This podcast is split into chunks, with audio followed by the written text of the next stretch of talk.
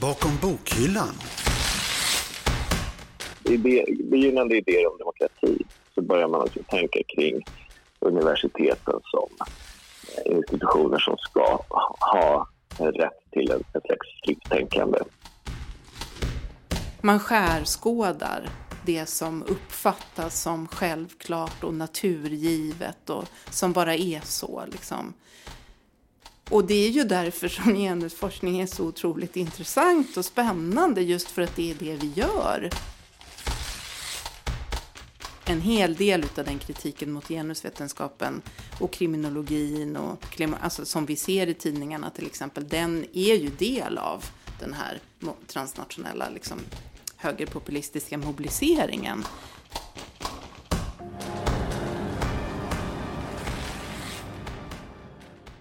Spinoza försvarade tankefrihet. Han menade att, att tankens frihet strider inte mot statens eh, intressen eller religionens intresse. Utan för Spinoza skulle religion inte handla om dogma utan om, om kärlek till medmänniskor och till Gud.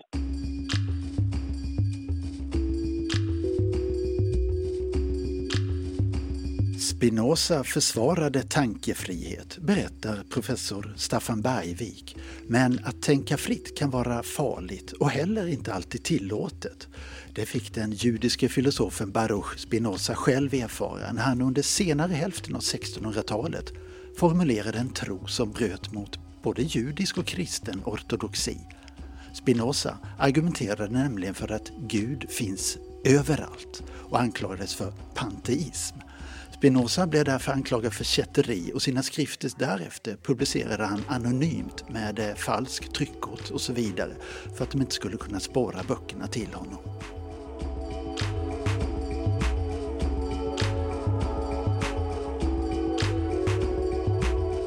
Rätten till institutionellt fritt tänkande, ja det var en idé som växte fram i den begynnande demokratins tid under tidigt 1800-tal. Och Berlins universitet skulle komma att bli först med det vi idag känner som akademisk frihet. Alltså rätten att eh, fritt få välja forskningsämne, metod och få publicera sina forskningsresultat fritt. Välkomna till universitetsbibliotekets podd Bakom bokhyllan som i det här 29 avsnittet tar upp just akademisk frihet. Tidigare har vi tagit upp temat akademisk frihet och berättat om vilka förföljelser som vissa forskare från länder som till exempel Ungern och Turkiet utsätts för. Och i det här avsnittet ställer vi oss frågan om akademisk frihet alltid funnits eller när och hur den kom till. Och vad händer med den akademiska friheten idag? I Sverige. Vi möter Staffan Bergvik som är professor i idé och lärdomshistoria vid Stockholms universitet. Och så möter vi också Cecilia Åse som är docent i statsvetenskap och professor i genusvetenskap på Stockholms universitet.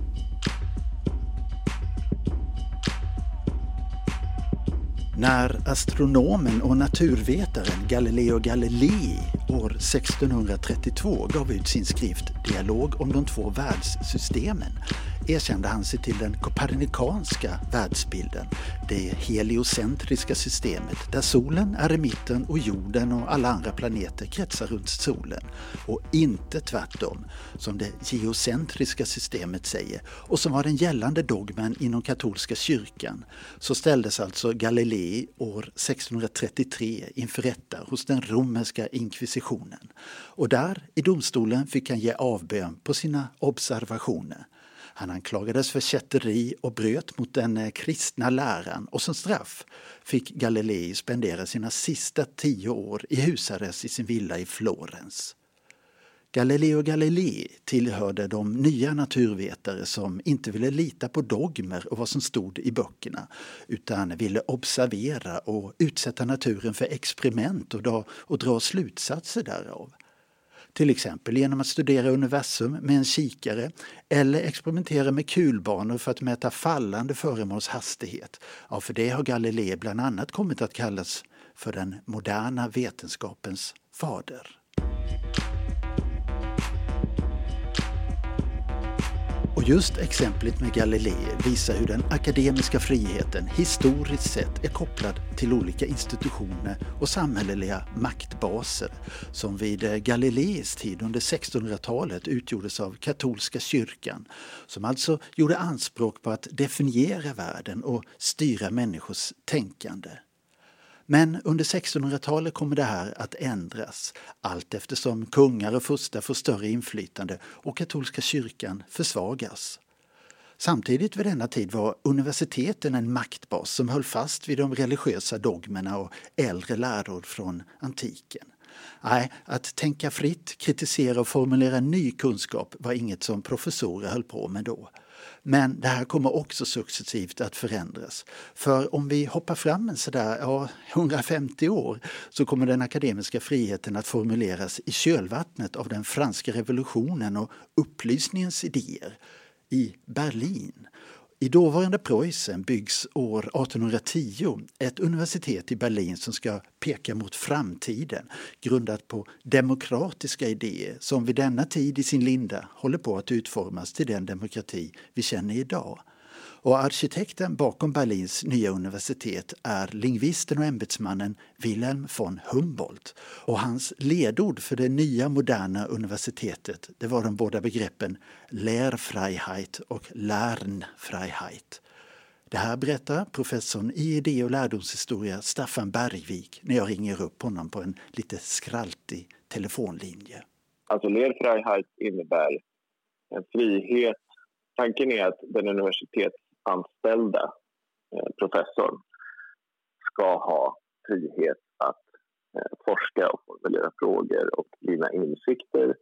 Och han ska också ha frihet att förmedla de insikterna och den kunskapen till studenterna.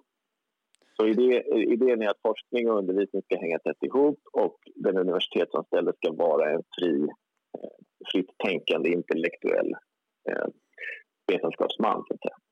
Och det andra då, Learnfreiheit, är, handlar om att studenterna å sin sida ska ha frihet. När man kommer till universitetet så ska man ha frihet att följa sina intressen. Man ska kunna välja olika eh, kurser eller eh, utbildningsgång, utbildningsvägar. Och en universitetsutbildning ska alltså inte vara primärt inriktad mot att bli präst eller statlig ämbetsman eller vad det nu kan ha varit. Så det, det är ju ett, ett, eh, ett välkänt historiskt exempel på när akademisk frihet så att säga, laddas med ny, ny mening. Det låter ju självklart för oss idag när man hör dig berätta mm. om vilka grundtankar som låg bakom mm. akademisk frihet i Berlins tidiga 1800-tal. Mm. mm. Men, eh, mm. men, men egentligen varför var det inte så självklart? Hur ska man förstå den tiden? jag tror man ska förstå den som att det är en tid av väldigt väldigt uppbrott. Det kan man säga om många olika historiska perioder men, men just den här perioden så, så är det en tid av, av uppbrott just eftersom man skulle kunna säga att det, det europeiska samhället liksom byggs om i grunden eh, under, under väldigt stora plågor får man säga också. Det präglas av enorma stridigheter och krig och, och fram och tillbakagångar. Eh, men just eftersom de eh, institutioner som tidigare har ansvarat för makt, både då i, i rent politisk makt, juridisk makt, religiös makt men också makt över tänkandet. Att de institutionerna, alltså kungahuset, kyrkan, eh, enkelt uttryckt, att, de, eh, att, man, att man tar bort dem genom revolutioner på olika sätt. Eh, då uppstår ett slags eh, ett behov av att formulera okej, okay, vad ska vi nu ha för bas i samhället? Om vi inte kan liksom bygga samhället på de äldre institutionerna, vad ska vi då bygga samhället på? Och då kommer alla de här eh, politiska innovationerna eh, till. Alltså yttrandefrihet, eh, demokratisering, olika varianter på parlament men också då, och då blir liksom universiteten en del av det samhällsbygget som man försöker sjösätta och lyckas då i vissa avseenden.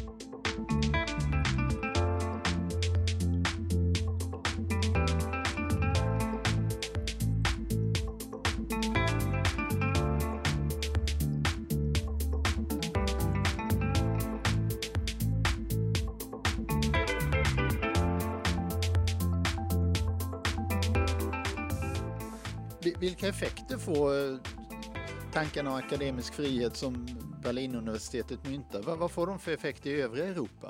Och sprids det här snabbt så att säga?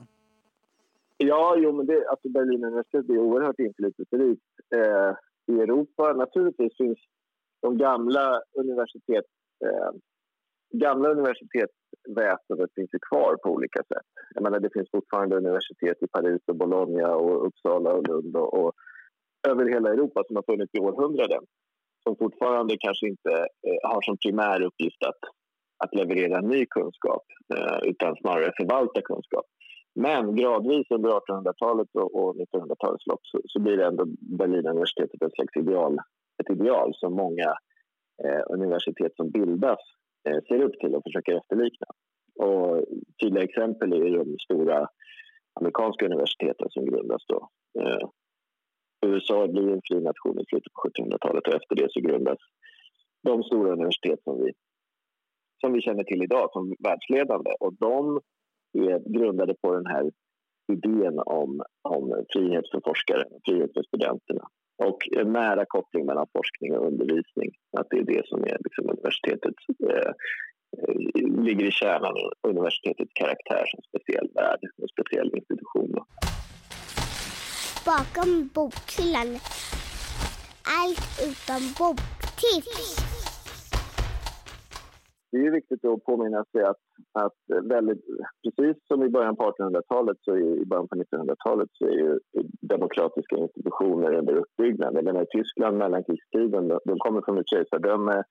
De, det är en vacklande liksom, republik eh, som är väldigt osäker, institutionellt ganska svag. I Sverige har vi precis fått allmän och lika rösträtt. Samma sak här. Det är, liksom, det är svaga statsmakter fortfarande. Så precis den här liksom, eh, hur man liksom, universiteten i stötsleven, precis som de var i början på 1800-talet, det fortsätter ju eh, under hundra år egentligen. Mm. Eh, fram till liksom andra världskriget egentligen. När, när hela systemet igen på ett sätt rivs, skulle man kunna säga, eh, på grund av kriget.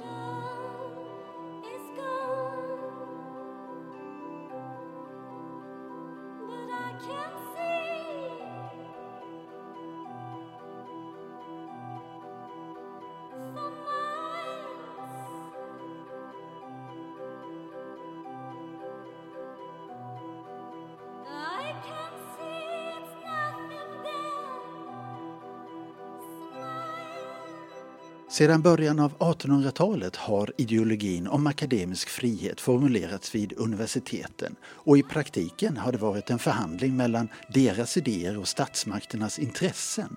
Så å ena sidan fanns det idéer, ideal och normer för akademisk frihet som universiteten argumenterade för. Så som att eh, akademisk frihet är ett värde, att det är något som universiteten bör ha och som universiteten ska odla och stå upp för. Å andra sidan så finns det den historiska praktiken. Sen så har de här maktbaserna i samhället, det politiska systemet, kungen och kyrkan hela tiden förhandlat mellan ideal och praktik. Så i vissa avseenden har maktbaserna tillåtit en akademisk frihet men i andra avseenden så har den inskränkts. Och den här tudelningen av ideal och praktik har hela tiden funnits. Men i takt med att det demokratiska samhället utvecklas under 1900-talet och vi får parlamentarism och idéer om en välfärdsstat så förändras relationen mellan universiteten och samhället.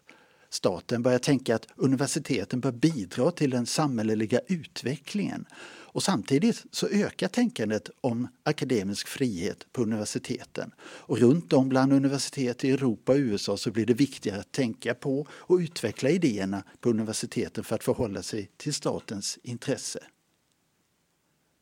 Ett klassiskt exempel på denna händelseutveckling är den tyske sociologen Max Weber som eh, formulerar en skrift år 1918 med titeln Vetenskap som yrke i den beskriver Weber vikten av att vetenskapen ska vara fri från politisk ideologi och inblandning. Staten ska inte lägga sig i vilken kunskap man söker och vad som blir effekten av den. Forskaren ska helt enkelt följa sin vetenskapstörst. Så med boken Vetenskap som yrke formulerar Weber vikten av det autonoma tänkandet för vetenskapen.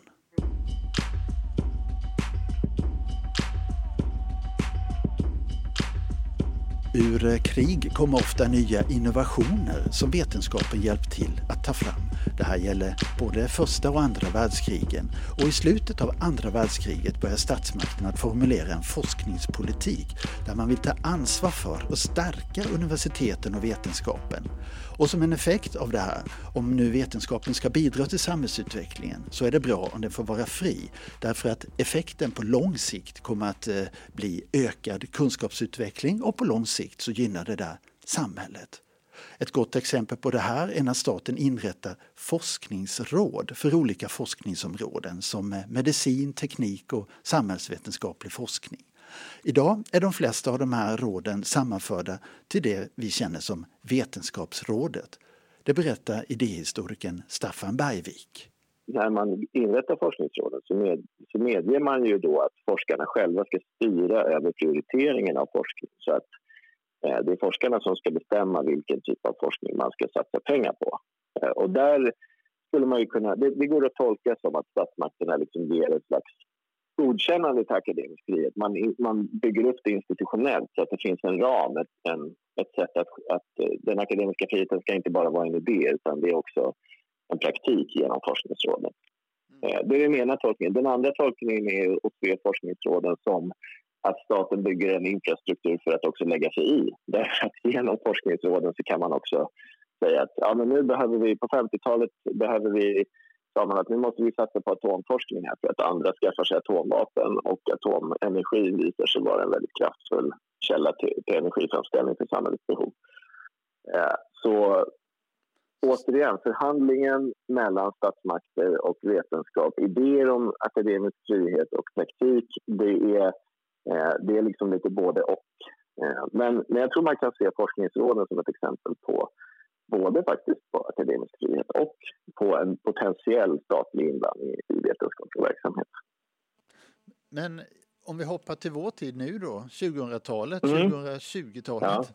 Ja. Hur, hur, skulle ja. du formulera den akademiska friheten idag utifrån, ja, här i Sverige? Jag skulle säga att den är, det finns så många som hävdar att den är utsatt för påtryckningar. Eh, det skulle jag inte säga, baserat på det jag har sagt så är inte det någonting nytt. Utan tvärtom, vår tid faller ju in i det här längre historiska schemat av förhandling mellan idéer om akademisk frihet och statliga intressen. på det sättet är inte vår tid unik på något sätt. Eh, om den är utsatt för ökad inblandning i Sverige, ja, det, det skulle man väl kunna säga. Eh, samtidigt, det, det går att, att göra en, en, en, en, en positiv beskrivning tycker jag av att den akademiska friheten fortfarande står sig stark om man tänker på hur mycket pengar som eh, av den svenska eh, statsbudgeten som går till forskning som ändå får betraktas som fri. Som är, som där forskarna styr genom forskningsråden till exempel eller genom universiteten där forskarna själva har en, fortfarande en, en, stor, eh, en stor frihet i att följa de intressen och frågor som de har. Mm. Men, men, men en sak som jag ändå skulle vilja framhäva, och som ni pratade ju tid, i ett tidigare poddavsnitt eh, om den akademiska friheten som jag har lyssnat på. Mm. Och där, där, där finns ju den här internationella situationen av forskare som faktiskt förföljs eh, i andra länder. Och det är ju en, en, en, trend som man nog ändå måste ta på största allvar, eh, inte minst i ljuset av en växande kritik mot expertis, kritik mot, mot forskning, alltså en slags, eh, ja, hela det här diskussionen om alternativa fakta och eh, en, en, en historiskt sett ganska ny och eh, lite skrämmande faktiskt eh, urholkning av tilltron till vetenskaplig kunskap. Det är ju någonting nytt. Och om den drivs på av politiker som definitivt är fallet i vissa stater, stater Ungern, Polen och eh, som i USA, eh, som skulle kunna bli fallet också i, i Skandinavien och i Sverige. Då, då finns det ett, ett starkt hot mot, mot den akademiska friheten. Så det finns definitivt potentiella hot mot den akademiska friheten eh, också i Sverige.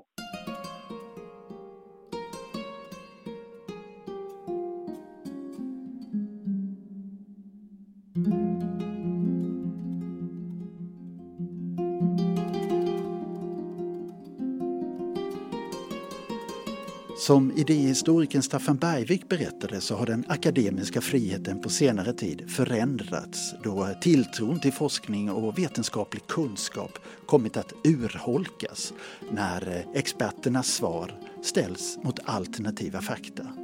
Särskilt utsatt är den samhällskritiska forskningen där ämnen som genusvetenskap, kriminologi och klimatforskning återkommande utsätts för hot och trakasserier från olika håll. Nej, men det handlar ju just om att ja, men, kollegor som får obehagliga liksom, meddelanden och ja, folk som skriver konstiga och knäppa saker och ja, med en obehaglig ton och ett, ja, så man, blir obehag, man känner sig obehaglig till mots helt enkelt. På Stockholms universitet jobbar Cecilia Åse som är docent i statsvetenskap och professor i genusvetenskap. Och när jag träffar henne på sitt kontor vid institutionen för etnologi, religionshistoria och genusvetenskap, ERG, så berättar Cecilia att hon och hennes kollegor ibland får mejl, brev och meddelanden via sociala medier som kan vara trakasserande på olika vis. Och eller meddelanden som visar på ett förakt för kunskap och forskning genusvetaren Cecilia Åse. Alltså jag har ju jobbat på universitetet i 20 år så det är klart att det har hänt att jag har fått liksom konstiga ja, brev var det ju från början och, och meddelanden och mejl och sådär. Men jag, jag upplever inte i min vardag att jag går omkring och känner mig hotad i mitt arbete. Så, så är det inte.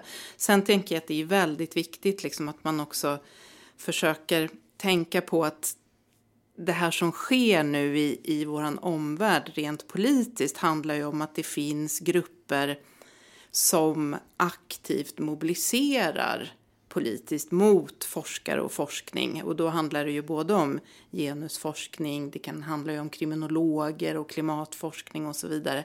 Men att, och det är ju en en politisk rörelse som, som ägnar sig åt det och som har det som, som metod att försöka att diskreditera ja, men samhällskritisk forskning. Eh, så, och det måste vi ju liksom se. Vi måste ju vara ja, medvetna om den agendan, den politiska agendan som finns bakom eh, den typen av påtryckningar och hot och trakasserier. Har, har det fått någon tung effekt av de trakasserier eller påtryckningar som har pågått och vad, vad, vad har konsekvensen blivit då så att säga? Om jag tänker i min, liksom, bland kollegor som jag har samtalat med, de som jag pratar med, då handlar det kanske mer om att man, ja, men att man tänker sig för lite mer nu än, än vi kanske gjorde för tio år sedan när det gäller att tacka ja till inbjudningar, att liksom eh, Eh, Eh, prata på helt öppna tillställningar. Eh, och jag tänk, så att man kanske möjligen tänker till lite mer där. Liksom, eh, att det finns någon typ av möjligen då kostnad liksom för en själv. Att ja, men det tar ännu mer energi för att det finns ändå någon, lite grann någon sorts sådär okej. Okay, är det här ett bra sammanhang för mig att, att prata i? Kommer min forskning tas emot på ett bra sätt eller kommer den bli ja, förhånad eller förlöjligad. Eller, men det, ja. det har satt sig i psyket åtminstone. Ja, men just det, som en extra reflektion. Åtmin mm. ja. Mm. Sen finns det säkert människor som forskar om andra saker än jag gör och eh, som också har, ja, som är utsatta på andra sätt. Liksom.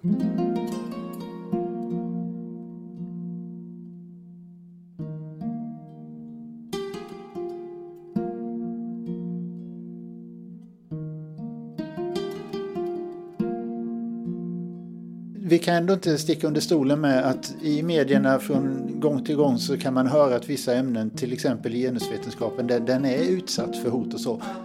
Varför tror du, Cecilia, att, att eh, genusvetenskapen är så kontroversiell? Jag tror att det handlar om eh, en mängd olika saker. Eh, och en väldigt viktig sak är ju det som jag sa innan, att det nu pågår någon sorts mobilisering mot samhällskritisk forskning överhuvudtaget. Och det, jag menar, en hel del av den kritiken mot genusvetenskapen och kriminologin och alltså som vi ser i tidningarna till exempel, den är ju del av den här transnationella liksom, högerpopulistiska mobiliseringen. Eh, och jag, dels det och sen finns det ju också någon sorts liksom all som kanske också växer eftersom vi lever i en allt mer ett allt mer populistiskt tidevarv. Och i populismen ingår ju också ett sorts förakt för kunskap och ett sorts ja, elit, alltså ett förakt för en kunskapselit då som på något sätt tror att de utger sig för att tro att de vet någonting om verkligheten, det vill säga vi forskare då utger oss för att tro att vi vet något om verkligheten. Så att en del av de diskussionerna och påhoppen på genusvetenskap tror jag också är ett uttryck för ja, kanske ett mer generellt liksom förakt för, för kunskap och forskning. Eh, också kanske ibland ett, ett, ett förakt för, för kvinnor eh, som, som ju också är en, en stark och viktig ingrediens i, i den populistiska eh, ideologin. Så. Men sen så tänker jag att det också handlar om att, att genusvetenskap ju försöker förstå eh, samhällsordningar som uppfattas som eh, väldigt förgivertagna eh, och självklara.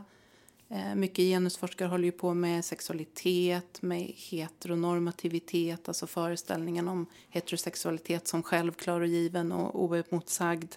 Jag själv har ju forskat mycket om genus och nationalism Eh, och att man då kanske utmanar och problematiserar föreställningar om att vad nationen är självklar och, och midsommar är jättefint och det bara är så. Ja, men många sådana eh, vad ska man säga, känslomässiga eh, eh, föreställningar, att de utmanas och problematiseras och att det lite grann är därför, eller att det i viss utsträckning är därför som då genusvetenskap uppfattas som, som provocerande, att man liksom sätter sitt, man skärskådar det som uppfattas som självklart och naturgivet och som bara är så liksom. Och det är ju därför som genusforskning är så otroligt intressant och spännande just för att det är det vi gör. Eh, att vi visar på komplexiteter i det som ser ut som självklart. Och det är ju vår uppgift som forskare att göra just det.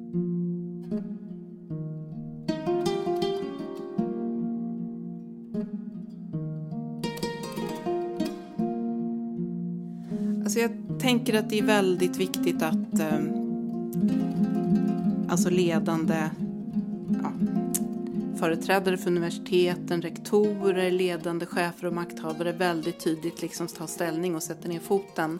Eh, jag var med och organiserade ett seminarium på 8 mars förra året, 2019, som handlade om den akademiska friheten och, och hoten mot, mot genusforskningen då Astrid Söderberg Widding var och pratade och var ju väldigt tydlig på eh, vikten av att forskare inte tystas, vikten av de alltså att de här, den samhällskritiska forskningen är helt avgörande för universiteten.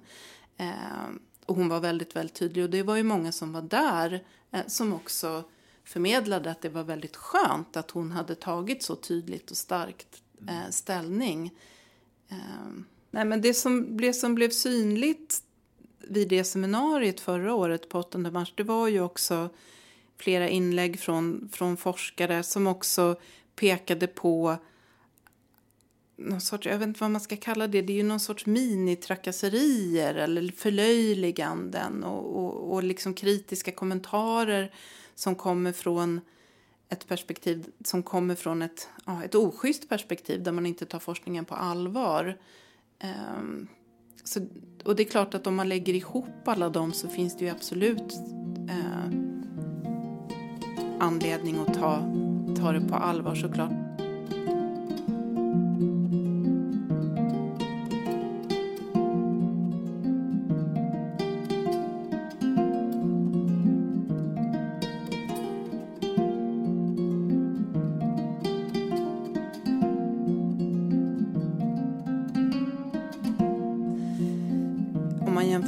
Situationen nu och, och, för ett år sedan eller, eller två eller tre år sedan så tror jag så, så tror jag att det också i samhällsdebatten faktiskt finns en, en lite större förståelse nu för att det här handlar om en populistisk mobilisering där genusvetenskapen står liksom längst fram. Det är, det är oss som man hoppar på först. Men det är också ett gäng med andra kritiska perspektiv som kommer att, och, och råka illa ut eh, om vi inte hittar sätt att liksom, eh, stävja och möta.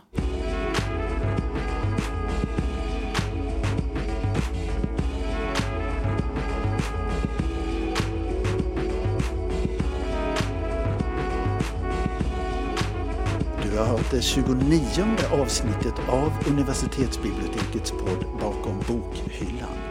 Och vi som gör Bakom bokhyllan är Karl Edqvist, Julia Milder och jag, Urban Göransson.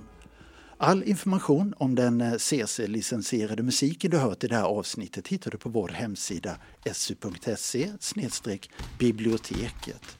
Och ett nytt avsnitt av Bakom bokhyllan, ja det hör du om två veckor igen.